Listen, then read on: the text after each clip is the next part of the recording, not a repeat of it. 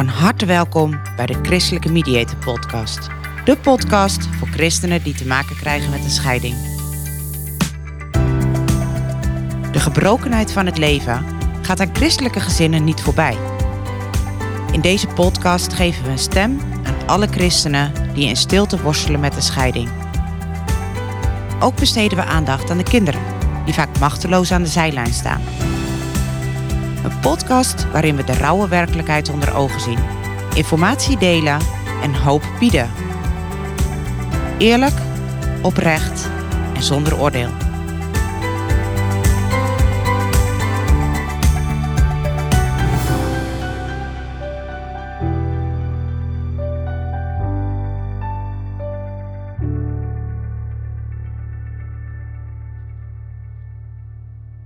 Bij de Christelijke Mediator Podcast. Goed dat je luistert.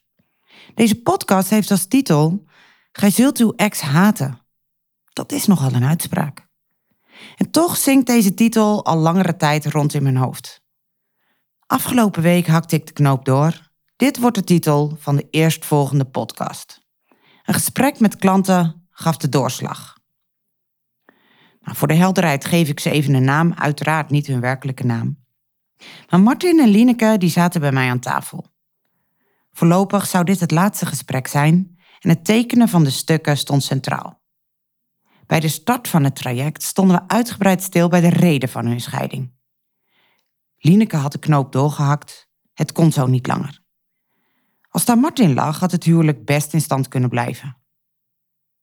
In dat eerste gesprek deelden ze beiden hun verhaal, hun beleving en hun emoties.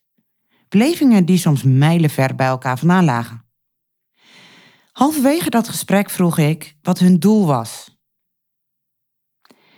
Martin zei ja, nou ja, het is duidelijk dat we gaan scheiden. Dus het doel is om goede afspraken te maken. Lineke die knikte instemmend. Waarop ik vroeg, oké, jullie willen goede afspraken maken. Wat zijn goede afspraken?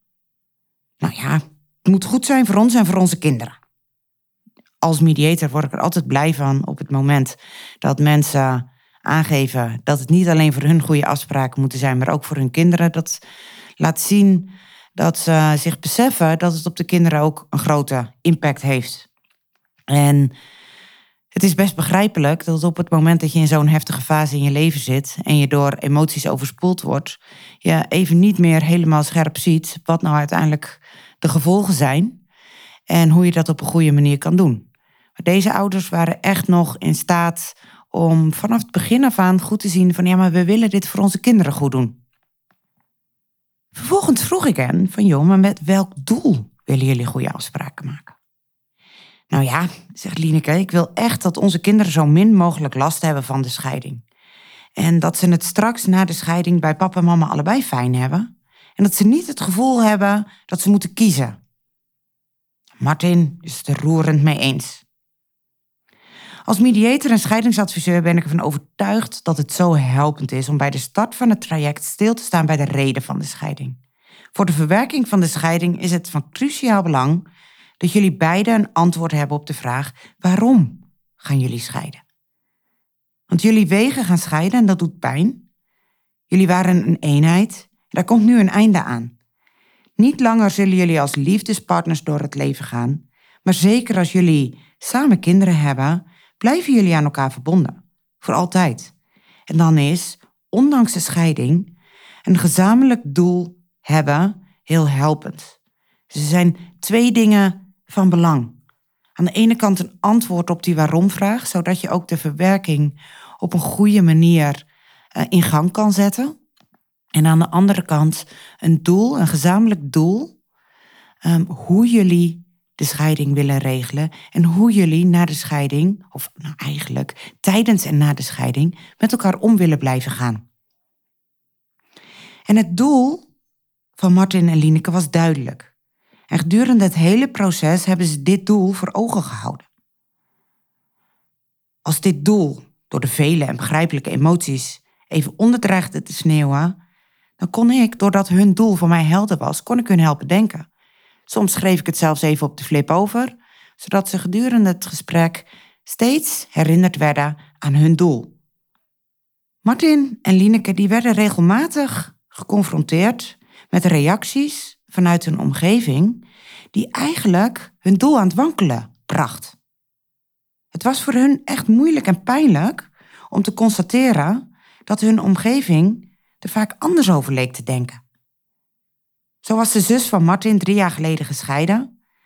De rechtszaken lopen nog steeds. En voor de familie is het onbegrijpelijk dat Martin met respect over Lineke praat. Hij wordt er regelmatig op aangesproken. Ze doen er zelfs een beetje lacherig over. Hij moet veel assertiever worden, beter voor zichzelf opkomen. Zij wilde toch scheiden? Nou, ik zou het wel weten. Je laat het kaas toch niet van je brood eten? En ook vriendinnen van Lineke begrijpen er niet van. Waarom vieren jullie de verjaardag van jullie dochter samen? Je wilt het toch niet meer bij hem zijn? Ik heb hem altijd al gemakzuchtig gevonden. En nu kan hij gewoon aanschuiven bij de verjaardag van zijn dochter zonder er zelf iets voor te hoeven doen. Hij regelt zelf maar een verjaardagsfeestje. Lang verhaal kort, Martin en Lineke hebben steeds het gevoel zich te moeten verantwoorden naar hun omgeving. Verantwoorden voor het feit dat ze samen overleggen. Verantwoorden voor het feit dat ze samen naar de 10 minuten gesprekken gaan. Terwijl Lineke dat vroeger ook altijd alleen deed. En dan gaan ze nog in één auto ook. Zo onbegrijpelijk. Maar Martin en Lineke zien het probleem niet. Lineke begrijpt wel waarom Martin mee wil. Voorheen ging zij er meestal heen en dan vertelde ze aan Martin hoe het was. Ja, toen leefden ze nog in één huis en nu is dat anders. En nu wil Martin graag mee. Ze is er eigenlijk wel blij mee. Dat Martin op die manier ook zijn verantwoordelijkheid als vader heel serieus neemt. Maar toch heeft hun omgeving er een mening en een oordeel over. En dat maakt hun, zegt Lineke, af en toe best onzeker. Deze situaties hebben we steeds besproken tijdens de mediation gesprekken. Vooral ook omdat ze gingen twijfelen aan zichzelf. Was het dan echt zo raar wat zij deden? Lineke vroeg zich hardop af. Het lijkt soms wel alsof we ruzie moeten hebben. Alsof dat een voorwaarde is om te kunnen en te mogen scheiden. Ik kijk haar vragend aan en ze reageert. Ja, laatst kwamen er twee gemeenteleden bij mij langs. Die vroegen hoe het ging. En ik vertelde dat het naar omstandigheden best goed ging. En dat ik blij ben dat we niet in oorlog met elkaar leven. En dat we over het algemeen eigenlijk heel goed kunnen overleggen. En vervolgens vroegen ze of ons huwelijk dan niet een nieuwe kans konden geven. We hadden immers geen ruzie, konden goed overleggen. Waarom zou je dan gaan scheiden? En dan, zegt Lineke, krijg ik het gevoel dat we ruzie moeten hebben of zo. Martin valt Lineke bij en zegt dat hij dat zo herkent. Hij had een vergelijkbaar gesprek met zijn moeder. En nu we het laatste gesprek hebben en we nog eens terugblikken op het hele proces, vraag ik Lineke en Martin hoe ze naar de toekomst kijken. Jullie hadden een gezamenlijk doel voor dit mediation traject. Wat is jullie gezamenlijke doel voor de toekomst? Martin die vat het kort en krachtig samen en zegt: Ik wil niets liever dan samen met Lineke voor onze kinderen blijven zorgen. Zij staan centraal. Lineke knikt en slikt haar tranen weg. Dat wil ik ook. En dan kan ik als mediator en scheidingsadviseur niet anders dan deze ouders zo bemoedigen en complimenteren voor hoe ze dit doen. Hun pijn is er aan de ene kant, maar hun wil en hun doel om samen die goede ouders zijn voor hun kinderen, die is er ook.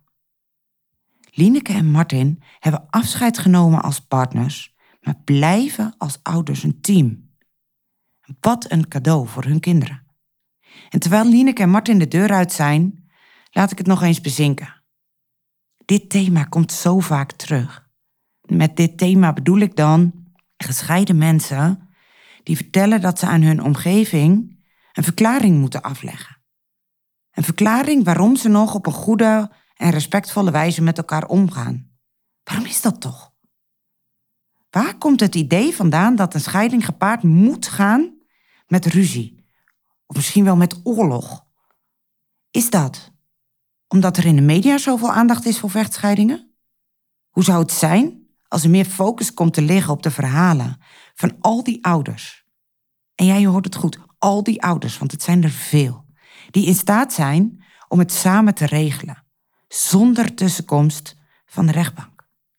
Of spelen daar nog meer dingen een rol in? Ik help eigenlijk hoofdzakelijk christelijke echtparen. Speelt dit nou in de christelijke gemeenschap een grotere rol dan dat dat speelt in een niet-christelijke gemeenschap? Ik kan je het antwoord er niet op geven, want ik heb geen goed vergelijkingsmateriaal. Ik praat er natuurlijk wel over met collega-mediators. En dan heb ik de indruk dat er wel een extra dimensie is die het kan vergroten, kan versterken, dat er een, een strijd moet zijn. En als ik dan terugkijk, dan denk ik ook terug aan mijn eigen scheiding. Destijds kreeg ik bezoek van de kerkraad en werd mij gevraagd wat de reden van de scheiding was. Ik kreeg het gevoel dat ik wel echt een hele goede reden moest hebben. In de hoop hun goedkeuring te krijgen, zoomde ik in op alle negatieve eigenschappen van de vader van mijn kinderen. Op alle keren dat hij mij gekwetst had. En voor ik het wist, ging het gesprek alleen nog maar daarover. Hij was echt een hork en met hem was niet te leven. En met terugwerkende kracht schaam ik me ervoor. En tegelijkertijd dank ik God op mijn blote knieën dat het ons een paar maanden later alsnog is gelukt om op een goede manier afscheid van elkaar te nemen. Afscheid als partners, zodat we konden samenwerken als ouders. En zo samen de zorg voor de kinderen op ons konden nemen. En als we dan kijken, dan merk ik en dan hoor ik in de praktijk zo vaak dat er meer mensen zijn, meer christenen zijn, die het gevoel hebben dat ze zich moeten verantwoorden. En juist moeten verantwoorden naar kerkenraden, naar gemeenteleden, naar andere christenen. Want je moet wel echt een goede reden hebben om te gaan scheiden. En dat een kerk, dat kerkenraden, dat gemeenteleden worstelen met scheidingen, is aan zich goed te begrijpen. Het huwelijk is ingesteld door God zelf. En wat is het dan pijnlijk om te zien en te constateren dat steeds meer huwelijken op de klippen lopen? Hoe ga je daar op een goede manier mee om? De meeste kerkenraadsleden zijn van oorsprong helemaal geen hulpverleners. En er wordt wat vergaderd over wat wijsheid is. In toenemende mate wordt er gezocht naar een manier om naast een gemeentelid te gaan staan die in scheiding ligt. Om met een uitgestoken hand hulp te bieden waar nodig, zonder mening en zonder oordeel. Tegelijkertijd zie ik ook dat daarin de verschillen in kerken groot zijn. Dat heeft natuurlijk van alles te maken met kerkordes, met de manier waarop er enerzijds naar het huwelijk gekeken wordt en vervolgens ook hoe er met scheidingen omgegaan wordt. Tegelijkertijd hoor ik ook verhalen van mensen die aangeven van joh, wij moesten allebei bij de kerkraad komen en daar werd gevraagd wie de scheiding heeft geïnitieerd. Oftewel, wie is de schuldige? Deze kerkraden lijken het als hun plicht te zien om een dader aan te wijzen, om vervolgens die dader onder censuur te kunnen plaatsen. En zulke processen zijn zo schadelijk en kunnen echt een verwoestende impact hebben. Bij een scheiding gaat het niet over een dader en een slachtoffer. Het gaat niet over een winnaar of een verliezer. Alle gezinsleden zijn slachtoffer. En alle gezinsleden lijden verlies. Ook de ouder die de knopen heeft doorgehakt, dat het zo niet langer kan. En daarmee gaat het dus niet om, gij zult uw ex haten. Het gaat niet om, gij zult een schuldige aanwijzen. En het gaat niet om, gij zult een oordeel hebben. Want door het zoeken naar een dader wordt, waarschijnlijk onbedoeld en onbewust, olie op het vuur gegooid. Er wordt een strijd gecreëerd in plaats van een gezamenlijkheid. En het zou zoveel waardevoller zijn om stil te staan bij wat verloren is gegaan en daarover te rouwen. Om van daaruit te kijken wat er nodig is om in de toekomst samen die ouders te zijn. En geloof me, dat is niet alleen in het belang van de ouders. Dat is ook in het belang van hun kinderen. Kunnen we als christenen niet veel beter kijken hoe we naast iemand kunnen staan die in scheiding ligt. En hoe we hun kunnen helpen om op een christelijke manier te scheiden. En op een christelijke manier bedoel ik om op een liefdevolle manier, op een respectvolle manier uit elkaar te gaan. Want het is pijnlijk om te concluderen dat huwelijken kunnen breken. Maar het is ook de realiteit. En laten we die realiteit niet uit het oog verliezen. En laten we de gevolgen van de manier waarop we met die realiteit gaan, onder ogen zien. Want als we daarna kijken, dan weten we ook hoe we het anders kunnen doen. Hoe we de strijd kunnen voorkomen en hoe we als omgeving, of je nou een gemeentelid bent, een vader, moeder, broer, zus, om iemand heen kunnen staan. En hoe we kunnen bijdragen aan het voorkomen van een gevecht, van een strijd. Want het is al moeilijk genoeg. Voordat ik deze podcast afsluit, nog even twee dingen. Ik gaf net aan van, joh, het is zo belangrijk om die overstap te maken van partners naar ouders. Je blijft ouders, maar je neemt afscheid als partners. De schipaanpak is een krachtige en ook een praktische methode die specifiek hier aandacht aan geeft. Dus die aandacht geeft aan het afscheid nemen als partners om daarna samen als liefdevolle ouders verder te kunnen gaan. En dat helpt ouders die gaan scheiden om de scheiding te verwerken. En daarmee zeg ik het natuurlijk eigenlijk verkeerd. Het helpt partners die gaan scheiden om afscheid van elkaar te nemen, om vervolgens als ouders samen verder te kunnen. En wat wil een kind nou liever? Natuurlijk wil een kind ouders bij wie ze zich kunnen ontspannen, niet bezig hoeven zijn met wat vindt de andere ouder ervan, niet bezig te hoeven zijn met zich schuldig te voelen of te hoeven kiezen, maar echt ouders die er staan als ouders. En die de pijn, die hoort bij de verbroken partnerrelatie, verwerkt hebben. Dan mocht je daar nou meer over willen weten op onze website www.christelijkemediator.nl staat daar meer informatie over, over die schipaanpak. En er is ook een website www.schipaanpak.nl waar je ook meer informatie vindt.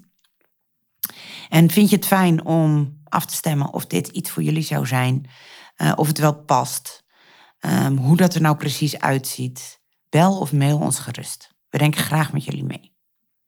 En als tweede punt, naast het delen van tips en adviezen, willen wij in onze podcast ruimte maken voor bemoedigende verhalen. En bemoedigende verhalen bedoel ik niet mee uh, stimulerende verhalen van joh, ik zou ook gaan scheiden. Nee, natuurlijk niet. Met bemoedigende verhalen bedoel ik verhalen van ouders die nou, maanden, jaren geleden gescheiden zijn, maar die het met vallen en opstaan is gelukt om samen die zorg voor hun kinderen op te pakken. Ouders die al een stap verder zijn in het verwerkingsproces en op die manier ook andere ouders nog wat meer kunnen bemoedigen. Want jij weet als geen ander hoe het is om midden in die emotionele beerput te zitten, terwijl je daar dan zit het gevoel te hebben dat je er nooit meer uitkomt. En voor deze ouders is het zo fijn om een bemoedigend verhaal te horen van ouders die zijn opgeklommen en die nieuw uitzicht hebben. Ondanks de gebrokenheid van dat huwelijk.